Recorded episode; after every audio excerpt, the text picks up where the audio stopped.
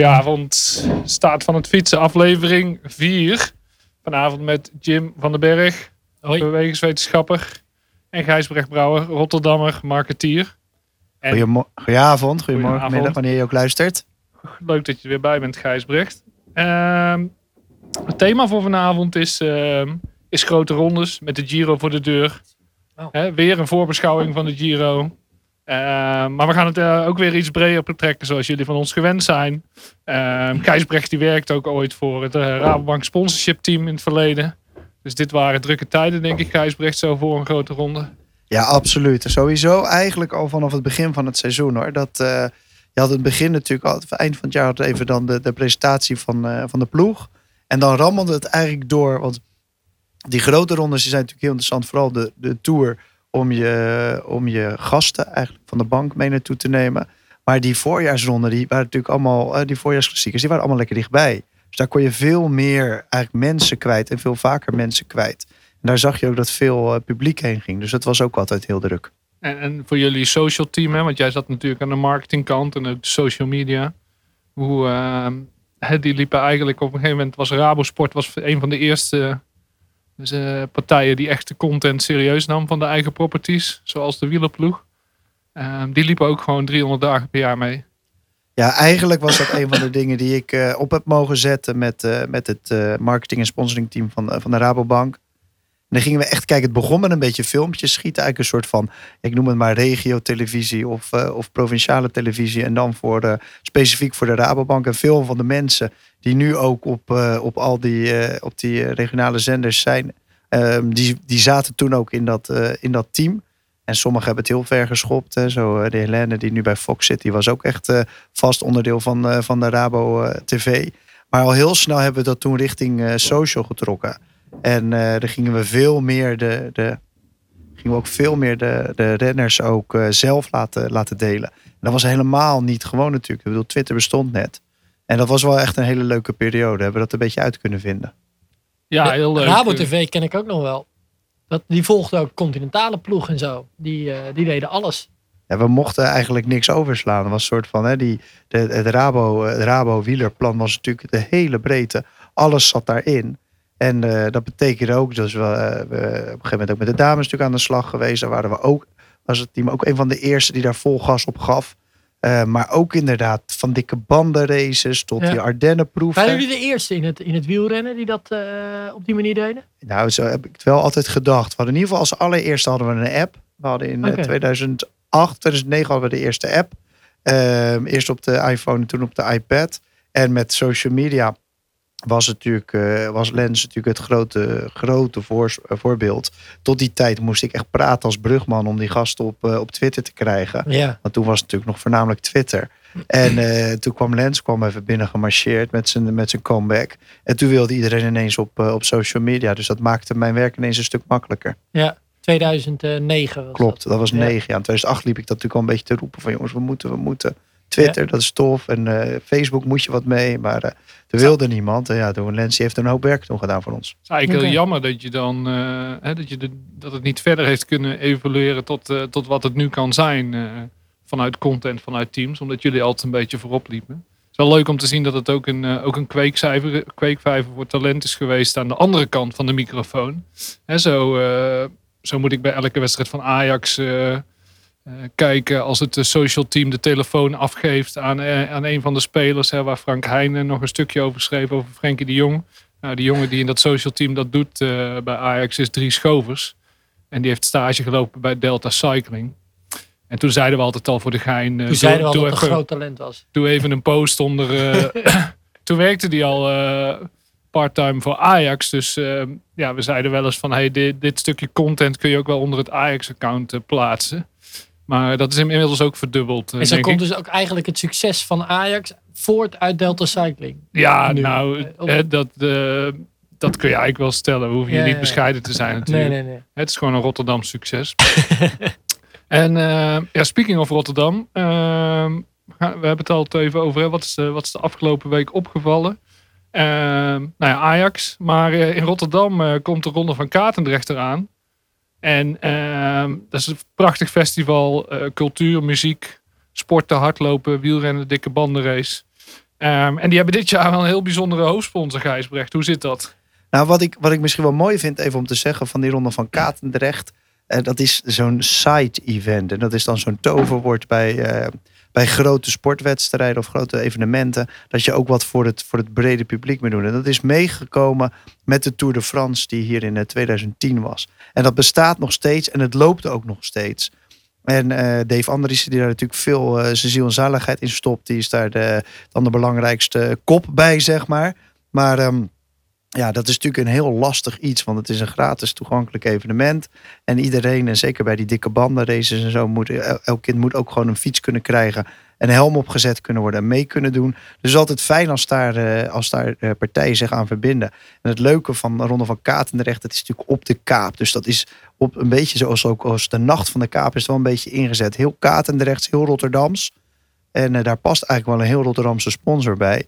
En dan zijn ze uitgekomen bij eh, niemand minder dan eh Bram Ladage.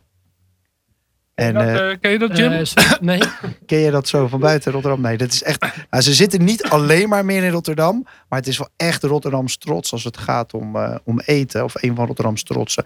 Het is een patatboer. oké. En eh, die zijn in notabene in Rotterdam-Zuid begonnen ooit ergens in eh, eind jaren 60 met de eerste patatkot, zeg maar, op zijn Rotterdams dan. En eh, dit is een gigantisch bedrijf ondertussen. eh, hebben, ik durf niet te zeggen hoeveel, maar ruim buiten Rotterdam ook. Maar het is een beetje, ja, als je het zo mag zeggen, de Febo van, van Rotterdam. Waarbij de Febo een beetje over kroketten gaat. Ja, Gaat, eh, gaat Bram echt over friet zelf. Of, ik weet niet of ze in Amsterdam zo trots zijn op de Febo, hè, als ik eerlijk ben. Nou, dit is natuurlijk, ik denk dat daarom ook Frank er een beetje over begon. Het is een beetje, het is natuurlijk een, een, eh, ik denk Rotterdammers zijn heel trots op, trots op Bram, laat ik dat voorop stellen. Maar het is natuurlijk wel een beetje een dubbele boodschap. En van kan je nou gewoon, eh, we, ze worden met z'n allen steeds dikker. En dan kan je nou daar dan eh, een Bram Landage aan zo'n, aan zo'n evenement hangen. Ja, en, maar wat, wat vind je daarvan dan? Dat is de vraag die je stelt? Of? Nee, nou ja, ik heb er zelf wel een mening over. Ik ben ook wel benieuwd, bedoel jij vanuit jouw, eh, jouw Ja, ik- achtergrond? Ik vind het juist hartstikke goed. Kijk, eh, dik worden heeft met eh, bewustzijn en bewust worden te maken. En eh, een frietje op zijn tijd is juist hartstikke goed voor je. Ehm, en eh, dat moet dus zeker kunnen. Ja, dat is ook een beetje de boodschap. En andersom vind ik het ook heel tof aan dit partnership. Is dat ze dus bij al die ehm, filialen oproepen om naar de Ronde van Katendrecht te komen. We hebben in Rotterdam ehm, ook in de zomer met de Ronde van Kralingen gewoon twee wielerevenementen die echt, ehm, nou die echt wel de toon zetten met eh, hoe zorg je dat er eh, niet alleen eh, opa en oma van de deelnemende renner komt kijken, maar hoe krijg je zo'n hele wijk eh, de deur uit. En eh, Ladage doet eigenlijk nu eh, een oproep aan alle klanten van eh, kom ook eh, vooral naar de Ronde van Katendrecht om te bewegen en om te genieten. En eh, zo heb je dat dadelijk weer in Kralingen met de ronde krant in de wijk. Die gaat naar tienduizenden adressen. Kom, eh, kom vooral sporten. Dus dat, eh, dat, dat maakt het heel toegankelijk, vind ik. Nou, en de, de, de match is natuurlijk heel erg op een soort van Rotterdamse iconenniveau gepakt. En dat maakt hem ook wel voor mij makkelijk. Weet je? Dus je hoeft er ook niet zo heel ingewikkeld over na te denken. En iedereen snapt natuurlijk wel dat daar een bepaalde gevoeligheid ligt. En daar doen ze bij Bram ook helemaal niet moeilijk over. Maar die zeggen eigenlijk precies zoals jij net zegt, Jim, van joh, af en toe een patatje moet best kunnen, maar doe ook af wat vaker stap op die fiets. En daar is juist die ronde voor Katendrecht heel erg voor opgezet. Iedereen moet de kans krijgen om daar mee te doen. Er zijn allerlei rare ehm, categorieën ook, zoals de niet de dikke bandenrace, maar de dikke mannenrace. Dan moet je zwaarder dan 95 kilo zijn. Ja, dan maak je het op een Rotterdamse manier ook wel heel toegankelijk. En misschien zelfs een beetje belachelijk. Maar dat kan wel in deze stad. Ja, leuk. En dan door naar, naar een volgend partnership. Ehm, wat er opviel de laatste week. eh, Team Ineos is gepresenteerd. Ehm, de nieuwe de, de partij die eh, de multimiljardair eh, die ehm, achter Ineos zit, 60% van de aandelen, die heeft eh, Team Sky overgenomen, het sponsorship. Dat hebben ze op 1 mei eh, omgegooid, vlak voor de grootste koers in Engeland. Ehm, er is ook wat reuring rond Ineos. En eh, ja, wat mij eerst en vooral opvalt, is dat het dus weer lijkt dat het een, een multimiljardair is die iets met sport heeft, in dit geval iets met fietsen, die, eh, die daar instapt en die ondertussen zijn team meekrijgt en zijn marketingafdeling om daar ook iets mee te doen. Ehm, maar ik zie het nog steeds gewoon als een speeltje van de baas. En eh, ik ben wel heel benieuwd naar hoe jullie één kijken tegen die controverse rondom het partnership. Hè, omdat ze onder andere producent van plastic zijn, een chemisch bedrijf. en aan de andere kant is, dit nu, is dit nu juist de goede stap dat eh, de grootste ploeg een nieuwe sponsor vindt hè, voor, voor zelfs meer geld dan dat ze hadden? Ehm, of is het eh, waanzin? Nou, het, is, het, is enorm, die controverse. Ik denk, terwijl we net al zeiden, we maakten net al een knipoog naar dat we kunnen gaan praten over de overstappen van de social media managers van de, van de wielerploegen. Dat je daar bijna een, een blog over kan beginnen. Nou, dat kan je met sponsoring ook wel doen. Weet je. je kan bijna net zo spannend schrijven over de nieuwe sponsors en de nieuwe, eh, de, vaak grote mannen. Het zijn dezelfde grote vrouwen. De grote mannen die daarachter zitten. En ook hier weer. Ik bedoel, eh, de, ja, alle, alle blogs hebben hier wel over geschreven. Ook de grote internationale cyclingtitels, die hebben hier wel aangepakt. Want ja, wat is het plastic, zeg je? Maar het gaat ook. eh, De plastic, dat, dat botste heel erg. Omdat Sky was altijd degene die tegen. Hè, die was voor bannen van de plastic de wereld uit. En dan is deze. Deze meneer Radcliffe is ook nog eens een keer voor fracking. Hij zegt ja, heel Amerika wordt rijk van fracking. Een beetje een soort Trump-achtig geluid is dat. Schaliegasten. Ja, ja, schaliegas. En dan kan dat ook niet in, eh, in Noord-Engeland. Weet je, dan kunnen we in, in, in Engeland ook rijk worden. Dus dat, dat staat bijna haaks op de oude boodschap van Sky. Ehm, ja, los daarvan zie je natuurlijk dat, eh, dat Brailsford gewoon hier zich weer een heel behendig eh, ehm, ja, oppasser van zijn, van zijn team eh, laat zien. Weet je, daar was dat natuurlijk al in allerlei andere situaties die niet over sponsoring gingen, omdat Sky dat allemaal wel afdekte. Maar hè, waar, waar het over doping ging of andere gekke aangelegenheden. En hier weet hij ook zijn team gewoon weer te redden. En zelfs, en nog los van het verhaal eromheen, te verbeteren inderdaad 40 miljoen pond, zeggen ze nu per jaar. Dat zijn natuurlijk bizarre bedragen. Je ziet de rest van, de rest van die teams die soort van twee stappen achteruit zetten. Die hebben eindelijk, hè, na vier, vijf jaar hard werken, hebben ze een soort van het proef, het, beginbedrag van Sky hebben ze bijgeharkt. En nu maken ze weer een sprong dat er anderhalf keer zoveel bij komt of zo. Ja, ik, eh, ik, ik las dan ook in de Volkskrant, geloof ik, dat, eh, dat die Radcliffe eh, in eerste instantie in Monaco, waar hij woont, was gaan fietsen met Geraint Thomas. En dat zo balletjes gaan rollen en vervolgens Brailsford eh op een knappe manier eh, die eh Radcliffe heeft overtuigd om, eh, om in die ploeg te stappen. Wat ik zelf opvallend vind, wat ik net al zei, is dat het weer één persoon is die, de, die lijkt de beslissing genomen te hebben. En ja, daarnaast denk ik wel, hè, als zo'n partij zich aan regelgeving houdt, wet en regelgeving, dan kun je zeggen, past zo'n partij bij, bij een ploeg. Maar ehm, dan is het tegengeluid natuurlijk. Hebben, hebben wielerploegen of sportploegen hun partners voor het uitkiezen? En volgens mij ligt de grens dan bij, eh, bij hou je jezelf aan de, aan de wet. Ehm, en, eh, of heb je te maken met duistere figuren die, eh, die langs die rand aflopen. En daar, daar ken ik de, de situatie bij Ineos niet goed genoeg voor. Maar dat ligt bijvoorbeeld weer anders dan trainer worden in, onder een regime in Saudi-Arabië. Nou, om het eens een zit- vergelijking te Het- maken. nou, het zit wel, het zit wel in die. Want eh, Saudi-Arabië is ook gewoon een. eh, en dan zou je kunnen zeggen, alles wat daar gebeurt is ook allemaal gewoon door de wet daar geregeld. Ehm, ik, het is een mooi woord die ik in kader hiervan lag. Ik kende het woord greenwashing wel. dat, dat grote bedrijven iets kleins doen om eh, iets kleins groens doen. Om te doen alsof dat ze niet zo slecht voor het milieu zijn. En dit werd dan sportwashing genoemd. Dus kan je dan met zo'n enorme partnership, en zeker in Engeland, want ik heb het echt het idee dat, eh, dat, eh, dat eh, Radcliffe dus ook op die, zich op die markt richt. Van, hij wil gewoon beter voor de dag komen in, in de UK. Ja, de introductie ging ook heel erg over we fietsen met meer dan met miljoenen mensen. Dat filmpje heb je misschien wel gezien. Prachtig, prachtig filmpje om, de introduce, om afscheid te nemen van Sky en te zeggen we fietsen door. Nou, dat was natuurlijk heel erg de missie ook van Brailsford. Was van, joh, we, we hebben die miljoen of twee miljoen nodig. Dan heeft Sky zijn missie gehaald. Wat mij opviel, en dat is misschien een beetje in, in, in, de, in de marge van, de, van deze eh, podcast of van deze radioshow, maar wel eh, direct hieraan gekoppeld, is dat Ineos deze week ook nog met een partnership kwam met Eliud Kipchoge, dus de snelste hardloper van de wereld. Dat is gisteren of vandaag bekendgemaakt. 1,59 op de marathon willen ze gaan lopen. Onder de- bijna dezelfde naam. Ik denk, dat is, is dat nou toeval? Of ik kon niet echt uitvinden of daar nou iets eh gepland aan zat. Maar als dat zo samenkomt, dan denk je, er is echt iets aan de hand. En, en Jim, denk jij dan dat voor sportwashing eh, wielrennen een geschikte sport is juist? Nou ja, iedere sport is daar eh, uitermate geschikt voor. En eh, zo wordt sport al, eh, sinds begin der tijden volgens mij gebruikt. En, en dat, is, dat is op zich ook niet zo erg. Sterker nog, daar zijn we super afhankelijk van. Toen, toen uh, alcohol en, en tabak de sport niet meer mocht sponsoren, deden, deden ook eigenlijk uh, heel veel ploegen of clubs moesten een stapje terug doen. Want er werd heel veel geld uit de sport getrokken. Nee, kijk, volgens mij gaat het er inderdaad om wat je zegt. Als uh, het bedrijf zich aan de wet houdt. En zoals in het geval van Sky, Brailsford heeft de sponsors niet voor het uitkiezen. En uh, waar volgens mij wel voor gezorgd wordt op deze manier, is dat nou, misschien zo'n 200, 300 families. die ook einde van de maand hun hypotheek weer moeten betalen. en afhankelijk zijn van, de, van een ploeg als Sky, dat dat toch weer door kan gaan.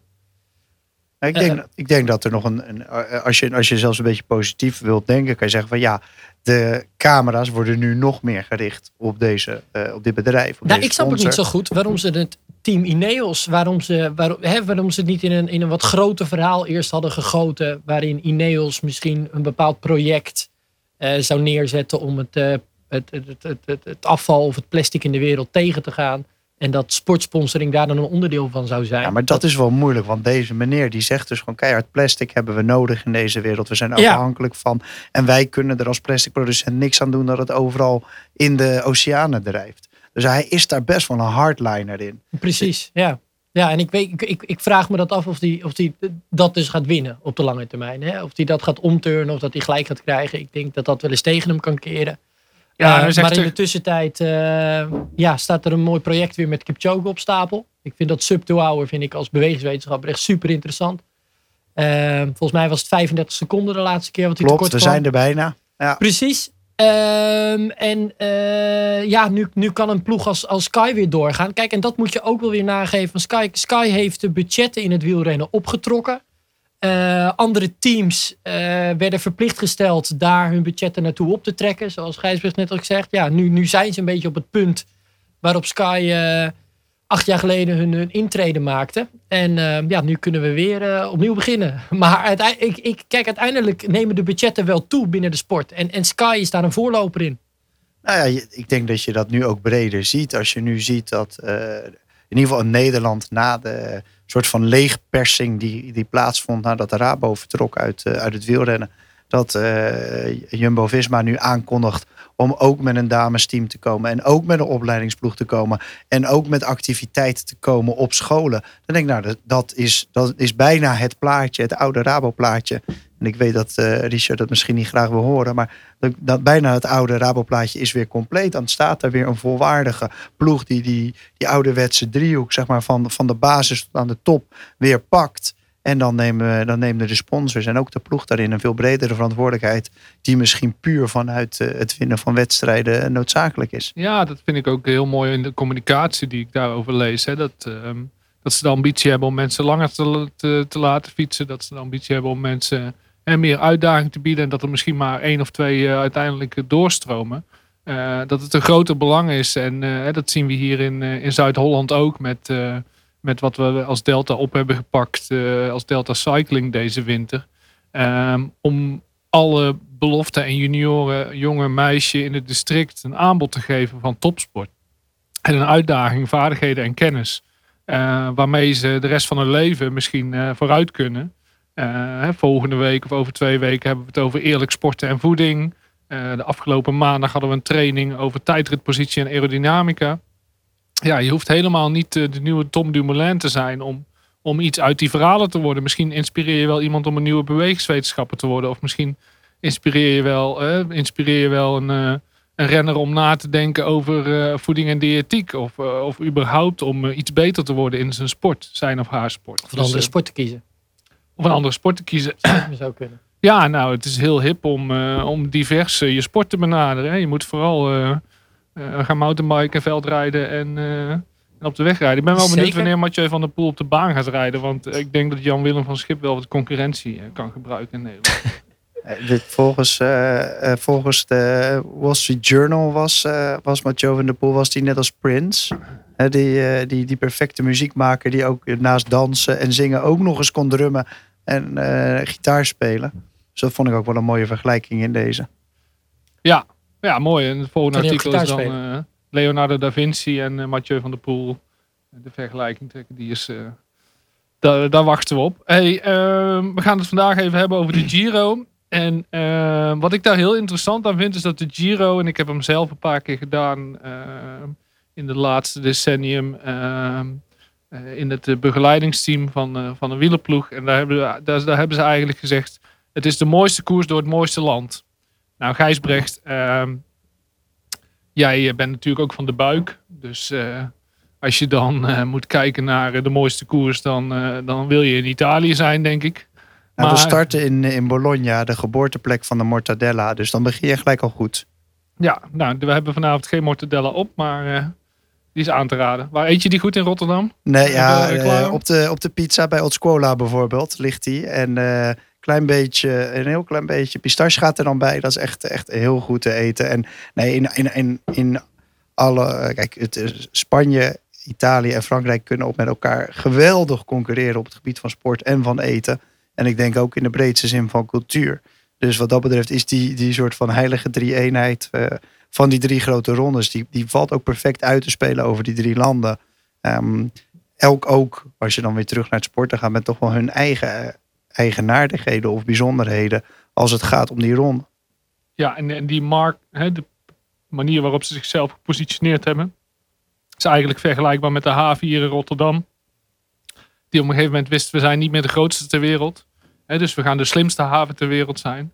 Ehm, zo heeft Giro ook gezegd, oké, de, de Tour is geen concurrent voor ons. Of de Tour heeft gezegd, de Giro is geen concurrentie voor ons.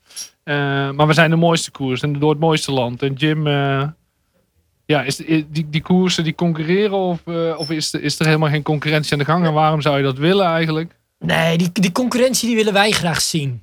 Ehm, kijk, de Tour is gewoon in het wielrennen de heilige graal van het fietsen. Je hebt, je hebt de Tour, dan eh, heb je wat mij betreft het WK. Dan heb je eh, Parijs-Roubaix. Dan eigenlijk een hele poos niets. En dan heb je Ronde van Vlaanderen eh, en de rest van de monumenten. Ja, Daarna ik- pas ook Luik, Bastenaken, Luik, Ronde van Lombardije enzovoort enzovoort. Ik, eh, tien jaar geleden woonde ik in Australië en daar, eh, daar zenden ze twee koersen live uit. Dat zijn Parijs-Roubaix en de Tour. Nou ja, ik, ik denk dat het WK op, op soort van gelijke hoogte staat met Parijs-Roubaix, maar zwaar, weet je. Eh, Dus, dus dat is volgens mij de, de pikorde in het wielrennen. En de Giro is een, is een hele mooie koers. Eh, een hele bijzondere koers. Eh, maar volgens mij is van concurrentie eigenlijk helemaal geen sprake. Ja, maar ze, we zeggen tegenwoordig wel van, eh, je kan niet als renner alle tweede koersen goed doen. Nou is Dumoulin misschien de uitzondering die vorig jaar de regel bevestigde, maar er zat een week meer tussen, lees je dan. Ja. Dat hij daarom goed reed in de Tour ook. Tweede in de Giro, tweede in de Tour. Nee, hij reed, hij reed eigenlijk niet zo goed in de Tour. Hoe bedoel je? Eh, in de Tour werd niet zo goed gereden. In de, in de Giro waren de vermogens eh, van, van Dumoulin eigenlijk beter dan in de Tour. Ik denk ook dat eh, de, de grootste kans op, op, op een Tour-overwinning de afgelopen, nou sinds Zoetemelk, eh, was afgelopen jaar. En reed hij dan, reden ze die, die vermogens dan minder goed omdat hij al vermoeid was van de Giro? Precies. Ze hebben, het, ze hebben het heel slim aangepakt wel. Ze hebben gedacht, eh, we gaan hem nooit net zo goed laten zijn als de Giro. We gaan hem proberen iets te laten afvallen. En dat lukte ook. Dus hij heeft vooral heel veel rust gehouden. Veel duurtraining. Ehm, en hij was nog eh 1 à 2 kilo lichter in de Tour. Geen Maar- eh, dikke mannenrace. voor- Nee, en, en, en qua vermogens was hij gewoon minder dan in de Giro. En ik denk dat als er, eh, nou ja, wat ik al zeg, als er, als er ergens de afgelopen tientallen jaren een kans is geweest op een Nederlandse Tour-overwinning. En ik zeg niet dat hij, hij kan net zo goed ook dit jaar eh, de Tour winnen of volgend jaar of het jaar erop. Want het is natuurlijk eh, een bijzonder talent. Maar eh Geraint Thomas was, eh, was te verslaan. Maar dan, dan concurreren ze toch juist wel op het startveld. Want als Dumoulin Nou, nee. maar één keer goed kan zijn... dan wil je toch zeg maar de beste renners aan de, be- aan de start van de beste koers. Ik bedoel, we hebben de Hammer Series, hebben de teams in het leven geroepen. Ja, Maar ja, zolang ehm Peter Sagan daar niet met het mes tussen de tanden tegen Mathieu van der Poel strijdt en Alejandro Valverde of, of de Alaphilippe, de hele generatie die nu eh, eigenlijk die oude mannen voorbij steekt. ja. ehm, dan, er dan ben je toch wel concurrent? Ja, dan, dan, dan, bestaat er een, een concurrentie op waar uiteindelijk die wielrenner denkt van dit parcours past het best bij me. En zo ehm, eh, eh, kan de Giro met name zijn parcours afstemmen op de, de, de mensen die ze graag, de renners die ze graag aan de start zouden willen Maar ze hebben. hebben vorig jaar Maar- 400.000 euro aan Chris Froome betaald om naar de Giro te komen. Ja, precies. En andersom? Denk je dat andersom zou gebeuren? Dat Chris Froome 400.000 euro aan de Giro zou betalen? Nee, dat de Tour 400.000 euro zou betalen om Chris Froome aan de start te krijgen.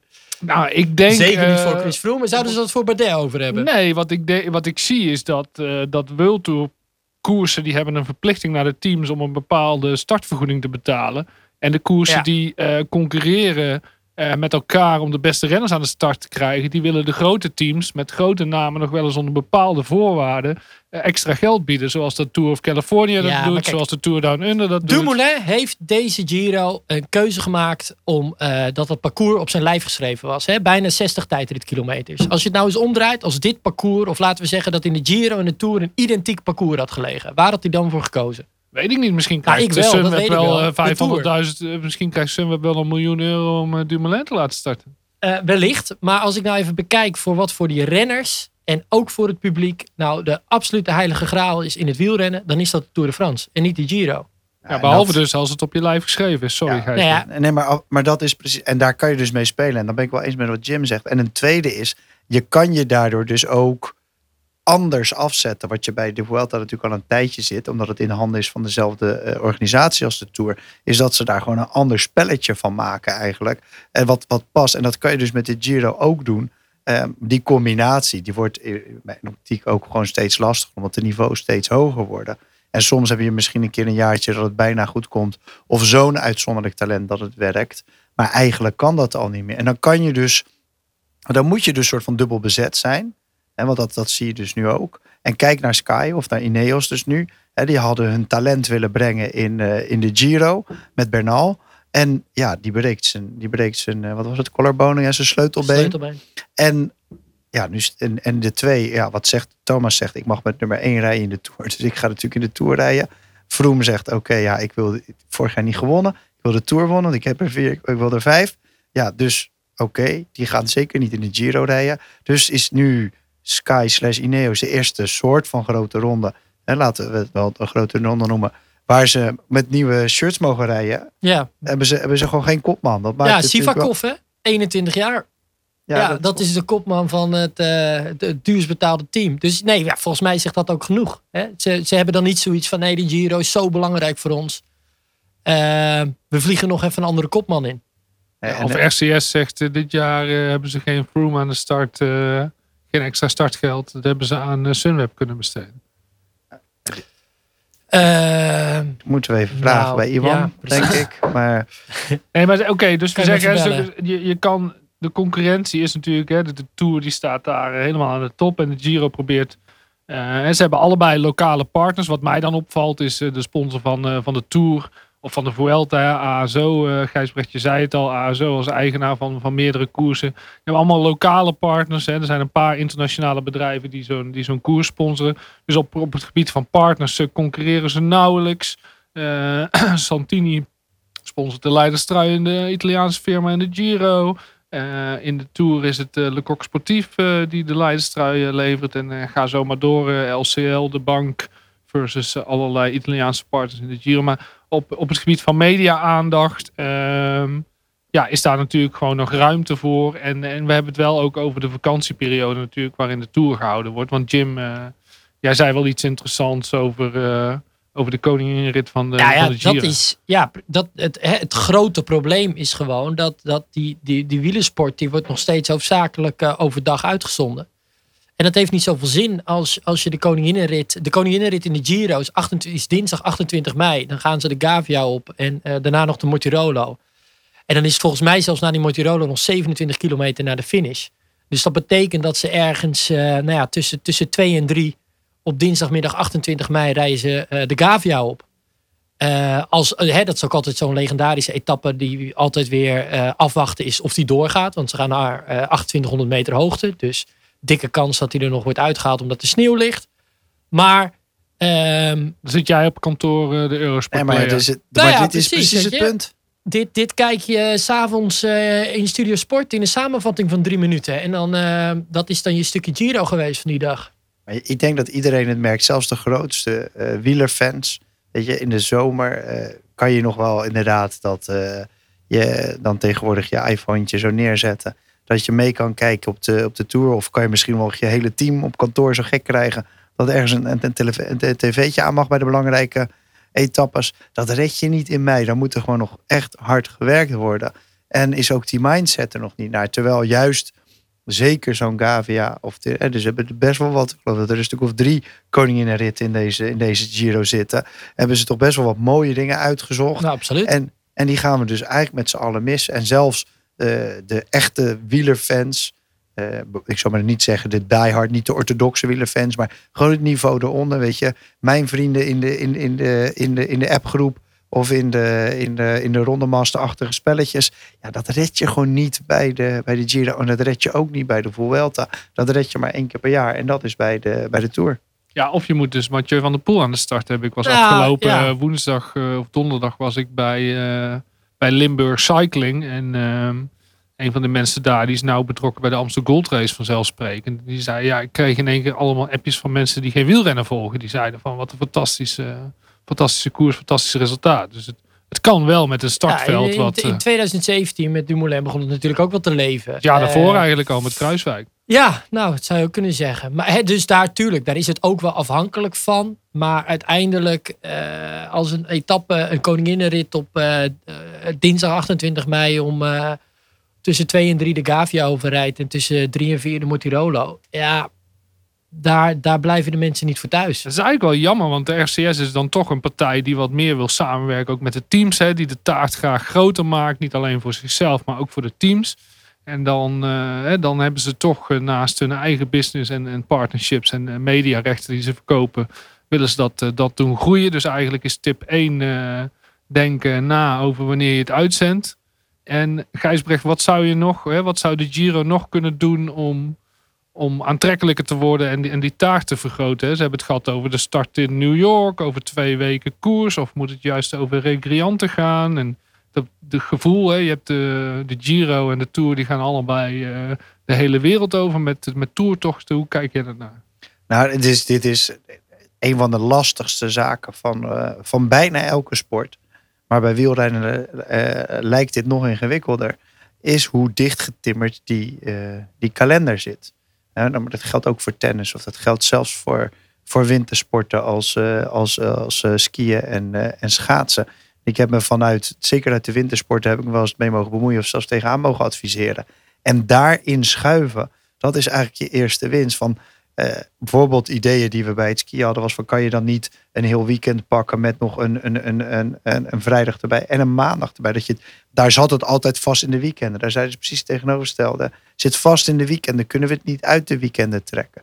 Dus het is altijd een, een, een gevecht voor aandacht. Ik vind overigens wat Jim net zegt. Hij zegt van op die dinsdag, et cetera. et cetera, Ben ik het helemaal mee eens. Maar daar zit dus wel ruimte in. Als je bijvoorbeeld, en hoe dat is natuurlijk bij wielrennen misschien wel te ingewikkeld. Maar kan je het niet richting de avond verschuiven? Ja, Dat in mij, ieder geval die finish of de laatste half uur na werktijd is. Nee, maar dit is.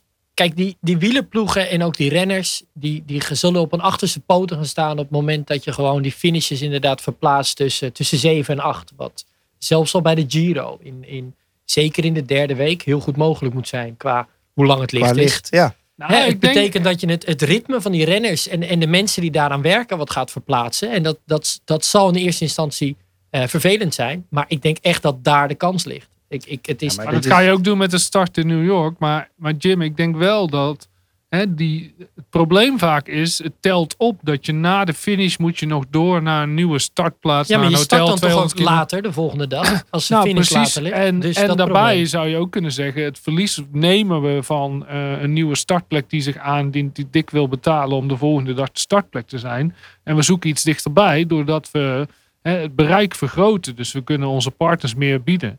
Daar zal best wel een, eh, een business case achter zitten waarbij het een het ander opheft. Ehm, en op termijn misschien het grotere bereik meer waard is. Ja, maar het grote bereik is denk ik altijd wel wat waard. Hè? Eh, het is- zeker in zoiets als de Giro. Dit is de, bijna elke sport, en zeker ook de stadionsporten zoals atletiek en zwemmen, kennen deze discussie. Weet je, de, en, en, en, de, en de atleten en de zwemmers, die, die, die, die moeten soms om 11 uur, 12 uur s'avonds nog uh, acte présence geven. En tuurlijk, hè, als, uh, als Trini Martina rent, dan is het in, in, in 10 seconden afgelopen. Dat is wat anders, maar daarmee schuiven, die ruimte ligt er echt wel. Tuurlijk. Ja. Maar dat, ik, ik snap ook niet hoe... hoe eh, hè, ze hebben nu bijvoorbeeld Champs-Élysées, laatste ritje in de Tour. finishte afgelopen jaar om 8 uur s avonds. Ehm, volgens mij hè, was, dat, was dat een hele mooie setting. Eh, het werd langzaamaan donker.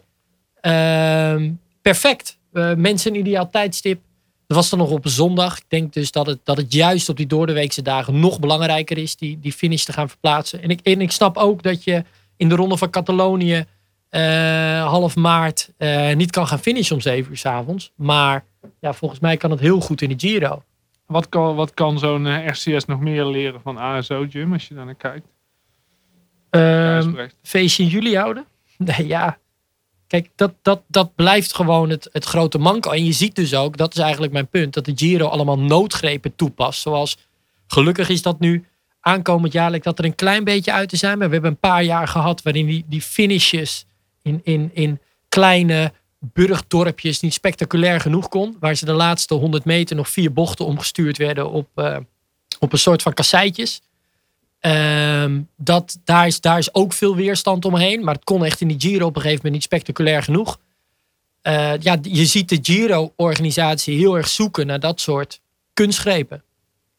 Ja, we gaan, we gaan dan... Gijsbrecht, wou je iets over zeggen? Nou, nee, want ik denk dat eh, Italië heeft, heeft natuurlijk, eh, overigens net als die andere twee landen, maar misschien Italië nog wel iets meer, een enorme rijke historie en ook wel een recente historie. Dus dat we in dit jaar langs dat Aquila gaan, waar die, waar die, die, die aardbeving geweest is tien jaar geleden, dat vind ik dan wel weer echt mooi. Zo geef je ook een land weer de kans om zich na een herstel, of een regio in dit geval, weer een, een soort van volgende stap te zetten of, of, een streep ergens onder te zetten.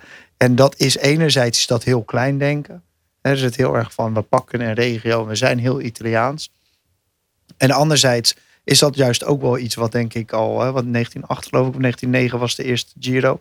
Wat dus al, al 110 jaar die, die ronde zo sterk maakt. In Ja. 1909 inderdaad. Want het is weer een eh, soort van jubileum. Ik denk dat eh, hè, als je kijkt naar de buschauffeurs, die, eh, die krijgen ook in de Giro de grootste uitdagingen voor zich. Met al die smalle straatjes en, eh, en kleine dorpjes. En dat, eh, nou, dat, dat brengen ze in beeld. Dan brengen ze iets beter in beeld dan de Vuelta dat doet. Nog niet zo goed als de Tour de France. Want ook dat in beeld brengen van je ronde. Hè, welk tijdstip finish je maar hoe, hoe goed is die regie eh, speelt een rol. Hey, en, en gaan we in Nederland eh, nou een Giro-koorts krijgen? Omdat hè, Primoz Roglic doet het fantastisch dit, dit jaar. Die man die... Mag, ik, mag ik jou even... Ik, ik, weet- waar ik zo benieuwd naar ben, Frank, sorry. We gaan deze... Roglic goed in de ronde van Romani. Gaat hij dan goed, ook goed in de, in de Giro zijn? Ja, absoluut. Nee, eh Roglic een jaar lang goed. Gaat hij goed zijn in de Giro? Ja, absoluut. Ja, Want het was geloof ik 1995 voor het laatst dat iemand uit de Romandie goed kwam en ook goed in de Giro was. ja, ja. En, ik, en ik denk dat... eh, eh, ik, ik geloof echt dat Roglic niet gestart is als kopman in Romandie. Dat hij eigenlijk gewoon ja, toch, toch beter terugkwam van hoogtestage dan, eh, had, dan ze hadden verwacht. En ik weet dit niet uit, uit eerste hand, maar ik denk dat ze al, een, al vijf maanden lang zich zitten te verwonderen over de vermogens en de prestaties die Roglic levert. Eh, en, en dat daar de, de, de trainers en de bewegingswetenschappers eigenlijk op dit moment ook niet zo goed weten waar zijn plafond ligt. Ehm, en in principe, wat je bij Roglic ziet, hij, hij heeft heel lang, hij is op stage geweest. Hè, hij is eh, ehm, eh, naar eh, Romandie gegaan. Ehm, en hij, het is niet zo dat hij, dat hij al veel te veel heeft gedaan dit voorjaar. Dus ja, ehm, volgens mij is hij gewoon in orde. En het is ook heel logisch dat je, dat je koerst voordat je weer de, eh, de Giro ingaat. En ik zou bijvoorbeeld ook liever in Romandie hebben gereden dan ehm, eh, eh, zeven uur in de regen in Luik-Bastenaken-Luik. En daarna bijvoorbeeld nog vier dagen in de regen in Yorkshire. Nou, nou zijn er volgens mij geen Giro-favorieten die die combinatie hebben gemaakt. Maar in ieder geval wel in Luik hebben gereden. Nee, ehm, ik denk dat Roglic absoluut topfavoriet is. Ik denk, het is, het is misschien wel leuk om nog een keer na de Giro en als hij tijd heeft om, uh, om Mathieu Heijboer uit te nodigen, die natuurlijk Rotterdammer, woont op Katendrecht uh, is en, en trainer is bij, bij Jumbo-Visma. Uh, nou, oké, okay, Gijsbrecht, hè, dat, ja, precies. De, dan terug naar de vraag. Ja, dat... ga, gaan we op de banken voor Roglic? Want het is natuurlijk uitzonderlijk wat hij, wat hij presteert. En hij, ehm, hij maakt een indruk het verhaal van de, van de schansspringer uh, is nu wel een beetje uitgekoud. Maar uh, die jongen die is de, lijkt de vriendelijkheid zelf. Gaan we daar, net als, we, als dat we wel voor, voor uh, voetballers van Ajax op de banken gaan die, uh, die niet hier geboren zijn, gaan we dat wel doen voor Roglic. Dit is een, uh, denk ik, de essentiële vraag voor de komende periode. Want uit, ik kan even terugkijken, ik kan twee manieren naar kijken. Ook even gewoon het Rabo verleden. Weet je, Rabo heeft in 2009 de, de Giro gewonnen met Menchov. Nou was Menchov wel ongeveer de alleringewikkeldste held om als, slag uit in Nederland. Als, uh, als, als held te hebben.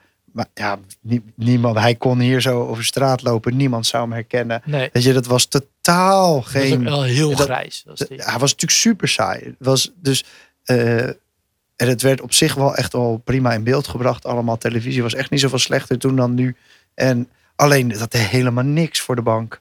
En dat deed helemaal niks voor het Nederlandse wielrennen. En ik denk dat Jumbo-Visma daar wel iets beter in is. En dat ook Roglic wel echt een leukere vent is. Gewoon als, zeg maar zeggen, als personality of als sportspersonality. Maar ik denk, het moet van, het moet van, uh, van Dumoulin komen. Om ons op de banken te krijgen. En, en, maar je hebt natuurlijk wel straks met Nederlandse knechten te maken. Want zoals ik er naar kijk, zou je bijna het verhaal van het hele teamprestatie. Hè, dat, dat, dat Jumbo-Visma renners beter maakt. En dat daar een heel team achter zit met, met Nederlanders die, die, we, die we sympathiek vinden en die we goed kunnen verstaan. Dat dat, dat dat bijna je verhaal moet zijn om zo'n grote ronde te winnen. Als we dan toch accepteren dat wielrennen een teamsport is. Uh, dat je dat verhaal gaat vertellen ik, de komende week. Ik weiger dat te accepteren overigens. Ik wil daar niet in meegaan. Die neem je, die is voor eigen konto. Jij zegt dat uh, wielrennen altijd een, een individuele duursport Het is in de eerste plaats een individuele klasse ja, van, die, van die renner. En uh, die is uh, soms zo goed dat hij het hele team voor het uitzoeken heeft. Maar Dumoulin had misschien wel al een keer de Vuelta gewonnen en een extra keer de Giro als hij een beter team had gehad. Ja, en ik zie daar ook precies de, de, de clash die uiteindelijk zal gaan ontstaan tussen Dumoulin en zijn ploeg. Als die niet uh, die mannen krijgt die hij nodig heeft. En ik denk ook, ik, Sam Ome is dus, die zou de Tour rijden. En die moet uiteindelijk nu die Giro uh, knechten voor Dumoulin, omdat uh, Kelderman geblesseerd is. Um, en ik denk dat Sam Ome daar niet gelukkig mee is geweest.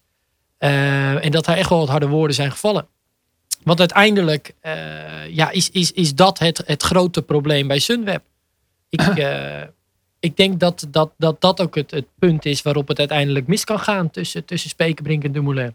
Maar... En, en ik daarop aansluiten zie je dus dat het belang van een Dumoulin, zeker een Nederlandse Dumoulin, dat het zo groot is. Al gaat hij nu bij Astana rijden, dan nog gaan we met z'n allen voor hem op de banken. Absoluut. En, en dat is natuurlijk, de, om maar even een ploeg te noemen, of uh, iets, in, uh, iets in het Midden-Oosten. Maar dat is, dat is natuurlijk ook een beetje de, de ellende. En ik snap ook wel vanuit Jumbo-Visma dat ze niks anders kunnen zeggen van kijk ons is een mooie Hollandse ploeg te zijn. En het oranje gevoel omarmen en noem maar op. Maar het, in die duursport, en of het, nou, of het nou schaatsen is, of wielrennen, of langlaufen, of mountainbiken, of marathons lopen, is dat individuele talent is zo belangrijk en ook zo herkenbaar.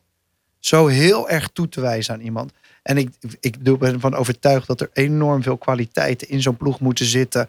En, en dat de, de marginal gains en de beste uh, uh, knechten, noem maar, maar op, allemaal nodig zijn. Om het anders gewoon inderdaad twee keer, drie keer je kans laat, voorbij laten schieten, als Frank net zegt. Maar uiteindelijk straalt het voor 98% af op die ene leider die wint. En dus, dat dus, moet een Nederlander zijn. Dus tien jaar later denk je ook dat de Rabobank sponsorship team de Menschel Giro-zegen niet op een andere manier had kunnen vermarkten.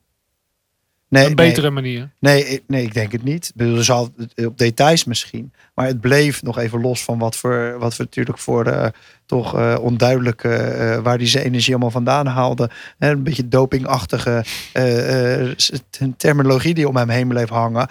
Nog los daarvan denk ik dat het deze man als Rus nog, en ook zijn ja, een beetje Norse onduidelijke persoonlijkheid, die was gewoon niet in Nederland beter te verkopen. En dat is, het is, ja, dat is het gewoon essentieel uh, groot verschil tussen, tussen voetbal en uh, met wielrennen. Is inderdaad bij voetbal juich je altijd voor een shirtje. En dat shirtje blijft ook gewoon 100 jaar hetzelfde. En bij, en bij wielrennen uh, juich je altijd voor een persoon. Ja, maar juich je ook sneller voor de spits natuurlijk. In het voetbal. Ja, dat nog wel. Maar dus uiteindelijk eh, kan je dus als, als eh, zelfs met een. eh, je, natuurlijk is iedereen blij als bij Ajax, bij Feyenoord veel jongens uit de eigen kweek staan. Dat, maar met twee of drie ben je er al. Ja. Dus, en en Frenkie de Jong is absoluut geen spits, Maar maar, ik- ja. pakt hem toch. Ik vind, ik vind ook dat voorbeeld van Menchoff mooi. Want ik heb, ik heb zelfs het idee dat we toen die derde plek van Thomas de Gent. Die won toen op de Stelvio. En, en die wist dan in die tijdrit nog de derde plek in het klassement te verdedigen. Een paar dagen later. Waar- dag waar- later, ja. Of een dag, was dat een dag later? Ja. Ja, maar Menchoff die ging daar toen nog op zijn bek. Dat herinner ik me er nog van. Ja, dit was in Rome, op, de gladde, op die gladde kasseitjes Ja. ging die onderuit. Met fietswissel. Was Toch? En bizar, in ieder ja. geval dat, dat toen eh, eh, Thomas de Gent, dat was, een, dat was in Nederland. ehm, ook wel omdat het ook wel een goede. hij is volgens mij wel lekker voor interviews. Hij had nog wel wat goede uitspraken. Dat werd nog bijna meer beleefd ehm, eh, dan, dan de overwinning van Menchov. Nou, toen was het ook heel lang geleden dat de Nederlander natuurlijk eh, officieel in een grote ronde op het podium had gestaan. Ehm, en ik denk wel dat misschien is dat voor Roglic dan ook een kans. Omdat Jumbo ook nu belangen in België heeft. Dat ze gewoon zeggen, we maken er een halve Belg van. En dan heb je in ieder geval eh, José de Kouwer en Michel Wuits mee. Om die hype te doen groeien. Want natuurlijk zo'n Moldaviër als André Smiel. Die misschien nog wel eh, minder te, te missen had eh, dan. Eh, die is dan toch op een of andere manier omarmd door het Belgische volk. Ik denk dat Belgen daar ook dan nog net iets slimmer in zijn dan, dan wij, wel protestante Hollanders, waar alles keurig volgens de regels moet. Maar ehm, ja, nee, zeker. Wij maar Menchov was ook een beetje grijze rennen. Het was ja, het veel was ook geen makkelijk. En Het het was, was- ja, was een grijze renner, maar ook een grijs persoon. Je kon Ja. no, no was altijd het enige wat hij zei. No. Weet je wel, ja. En dat Maar had ook niet een hele aanvallende stijl waarin hij die Giro wel even Nee. naar zich toe trok. Nee. Dat, was het, dat was het natuurlijk ook niet. Maar, Nee, maar goed, Ja. het geldt natuurlijk ook. Hè, die eh Cadel Evans eh, was ook een, eh, een volger. Ja, dat klopt. En ja. omdat hij een Australisch vlaggetje had, waren in één keer allerlei Australiërs voor Cadel Evans. Terwijl Nou. ze zulke leuke sporters hebben. en nadat hij wereldkampioen is geworden, begon hij wel een stuk attractiever te koersen. Ja, in, in 2012, nee 2009 werd hij wereldkampioen. Hè? Is het ook 2009? Het is, soort, het is echt een In Mendrisio werd hij wereldkampioen. sleuteljaar. Ja. 2009. Zo scherp heb ik, eh, heb ik niet meer. Maar het is in ieder geval diezelfde periode, dat klopt. En ik- inderdaad, toen viel er toch over een soort last van zijn schouders viel dat hij ineens wel leuk mee kan doen. Zeker die Tour erop, het jaar erop, deed hij best wel leuk mee. Ja.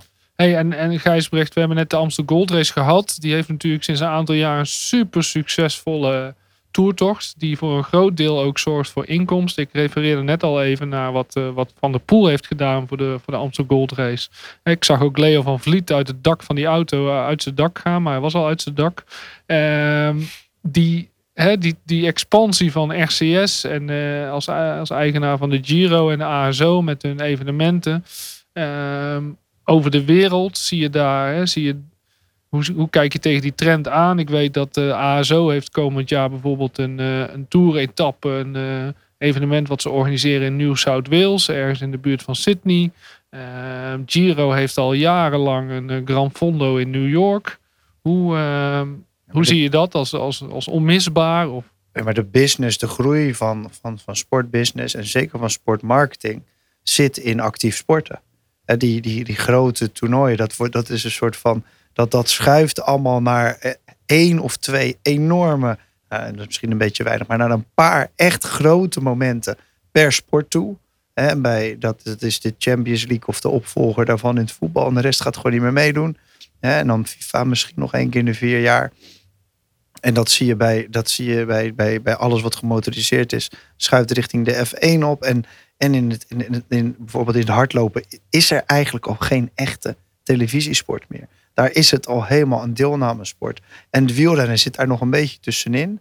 Maar ik snap heel goed dat ASO en RCS die stappen maken. Want als zij het niet doen, dan komen de, de vrienden van Golazzo... die er al hierin, hè, onze, onze uit België... die al heel druk zijn met wielerevenementen...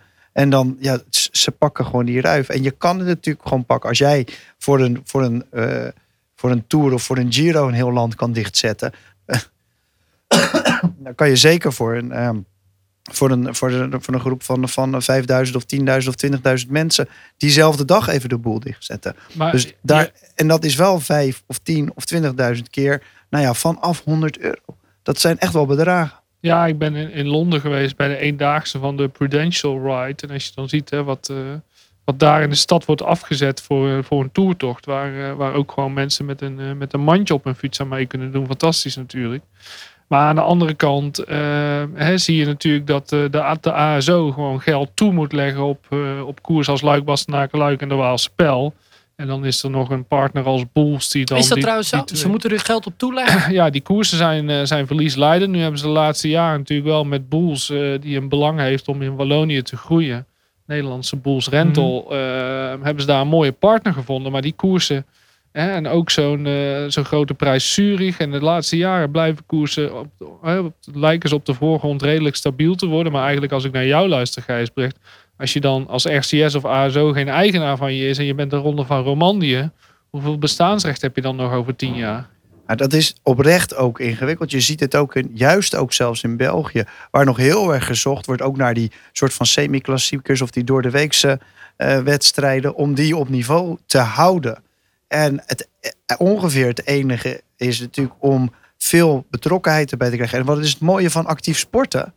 Is dat je ineens toch ook wel een stuk makkelijker weer de overheid of een bepaalde maatschappelijke eh, impact daarmee eh, kan, ja, kan eh, opeisen of kan claimen. En daardoor wellicht ook nog op een andere manier naar inkomstenbronnen Ja, kan precies. kijken. Van bijvoorbeeld de overheid of van bijvoorbeeld zorgverzekeraars. Of wat dan ook. En dat is nog wel een flinke stap. Maar het is in ieder geval een kleinere stap dan van zeg maar 180 veel te dunne mannetjes. Die allemaal een hele aparte bloedwaarde hebben. Nou, hier in Rotterdam nou, doen we nou, met Delta nou. Cycling. eh, en Hebben met ze Del- toch? Het kan ook zonder doping. Nee, ja. eh Ze komen allemaal tuurlijk van, zijn eh. Nou, ik vind het wel grappig wat je zegt over dat eigenlijk eh, eh, de marathon helemaal van een televisiesport. eh, wat ik overigens. Is het ooit echt een televisiesport Ja, geweest? niet zoals wielrennen in ieder geval. Nee, precies. Maar in ieder geval dat het wel helemaal een deelnamesport is. En ehm, ja, ik denk dat ik, als, als, als het wielrennen zich niet eh, eh, serieus beter, profielrennen, gaat, gaat, gaat profileren, dan eh, lopen ze wel kans ook die kant op te gaan. Ik, ik vond het wel mooi trouwens in dat licht wat Dumoulin zei nog afgelopen week in een interview. ehm, dat hij dat hij ook niet wil naar kortere grote rondes van bijvoorbeeld anderhalf of twee weken. Maar dat hij juist die uitputtingsslag en die puzzel die, die volgens hem een, eh, een grote ronde is. ehm, dat dat de sport zo mooi maakt en zo heroïs. En dat vond ik wel eh, vond ik mooi gezegd. Maar gaan we dan niet, eh, hè, zoals, die, zoals er nu wordt geprobeerd om onder de twee uur het marathon te lopen en zoals we in het wielrennen het uurrecord hebben, gaan we dan niet gewoon naartoe dat we binnenkort dat er gewoon een, een challenge komt op de Stelvio wie het snelste die, die ene klim op kan rijden. Maar die gaat er ook komen. Met, alle, met allerlei recreanten in het kielzog. Die, die- ik eens dat hij er ook kan komen en gaat komen, maar het is, het is bij uitstek niet de, de charme van het kijksport wielrennen. Is dat. Het is juist dat het, dat het inderdaad heroïs is. Uit, eh, dat je lang ergens bent. Dat je elke keer weer naar iets anders kent. Kijk, wielrennen is bij, uitsla, bij uitstek een, een, eh, een mediasport. Het is opgezet als mediasport. Eerst om kranten te verkopen. Vervolgens radio's en vervolgens televisie. En nu proberen we in veel mindere mate overigens. Maar wat internet ermee te verkopen. Maar daar, dat, dat, dat verhaal vertellende, dat zit veel meer in, eh, in het wielrennen dan bijvoorbeeld in de, in de atletiek. En Ja. dat, dat blijft voor mij denk ik ook juist zo'n puzzel of juist zo'n, zo'n dat er één etappe van 240 eh, kilometer ineens in, in zo'n Giro zit. Of juist dat je vier van die pieken na elkaar hebt en de volgende dag nog zo'n rare etappe. Dat maakt die sport zo Nou. Ja, maar tegelijkertijd hoor ik je ook zeggen, sorry Jim, dat je zegt van hè, als je die, als dat dan door Dennis Mensjev wordt gedaan, hè, als er dan vier mannen strijden, waarvan er drie eh, niet zo aansprekend zijn als Matje van der Poel, dan weet je ook een publiek niet te trekken. Maar dat klopt helemaal. Dus het gaat ook om die kopjes- koppies. En het liefst ook nog eens een keer koppies die niet alleen in één land het goed doen, maar die het over de, over de hele wereld soort van te brengen zijn. Nou, Ja. en je kan natuurlijk dat verhaal wat jij dan nu schetst, hè, hoe, hoe mooi dat verhaal is en hoe heroïs dat verhaal is, dat is natuurlijk heel interessant als je dat verhaal vertelt. Alleen, volgens mij is er dus in het wielrennen geen ruimte voor en een UAE-tour en Catalonië en Parijs-Nice en de Tirreno Adriatico en Romandie. Dus dan ben je, dan zijn we nu eh, vijf rondes van een week verder en dan begint de Giro nog een keer. Kijk, daar is volgens mij hè, met Parijs-Nice en de Tirreno, die, die grotendeels tegelijkertijd plaatsvinden. Volgens mij is daar dus in de toekomst geen ruimte meer voor. Nee, ja, daar, gewoon een mooie, eh, perfecte piramide waarin je dat opbouwt naar dus die paar echte toppers. Dat zou, dat zou natuurlijk uiteindelijk het, beste zijn. En het zijn dan misschien twee, hooguit drie rondjes. Eh, maar niet vijf. En ja, daaronder doe je onder de Giro nou, of de, een in, aanloop op, naar in de na Giro. opmaat van Ja. zo'n Giro bijvoorbeeld. Hè? Dat zijn dus nu vijf eh, koersen waarin dat, dat, dat peloton wat uiteindelijk dan in de Giro eh, de degens gaat kruisen. Dat, dat is dan verdeeld over, over vijf van dat soort etappekoersen van een week eh, richting de Giro. Ja, dat is wel dat is een verhaal. Dat is een der- dermate gecompliceerd, lastig verhaal om te vertellen. Dat, dat je wel echt een, een moet zijn. Wil je, wil je dit nog kunnen volgen? Ja, en ik denk, eh, Gijsbrecht begon ook met die kalender, hoe ingewikkeld dat is. Dat, dat, dat blijft natuurlijk zo. Dus misschien is dat ook voor, voor een volgende keer leuk om nog eens, eh, nog eens wat langer over die kalender te hebben. En hoe dat je dan misschien vanuit het perspectief van een renner eh, jezelf optimaal als sportpersoon, maar ook eh, als commercieel interessant persoon eh, kan profileren. Ehm, nou, we gaan naar de Giro toe. Eh, wie, gaat die, wie gaat die ronde winnend afsluiten? Ja, Roglic. Nou, tenminste, Roglic heeft één probleem. En dat is, hij gaat eigenlijk te vaak op zijn bek. En in rondjes van een week eh, ja, heb je dan de mazzel dat dat, ja, dat dat nu de afgelopen drie keer... Hè? Ja, hij heeft drie, drie koersen. UAE, Tirreno en nu dus Romandie gewonnen. Ehm, dat dat niet is gebeurd. Maar ehm, eh, vorig jaar bijvoorbeeld in de Tour hadden ze het eigenlijk heel goed voor elkaar. Toen hebben ze een keertje gezegd, we gaan niet proberen Roglic de eerste week, anderhalve week, kosten wat kost vooraan te houden. Hij mag zich gewoon lekker relaxed achterin schuil houden.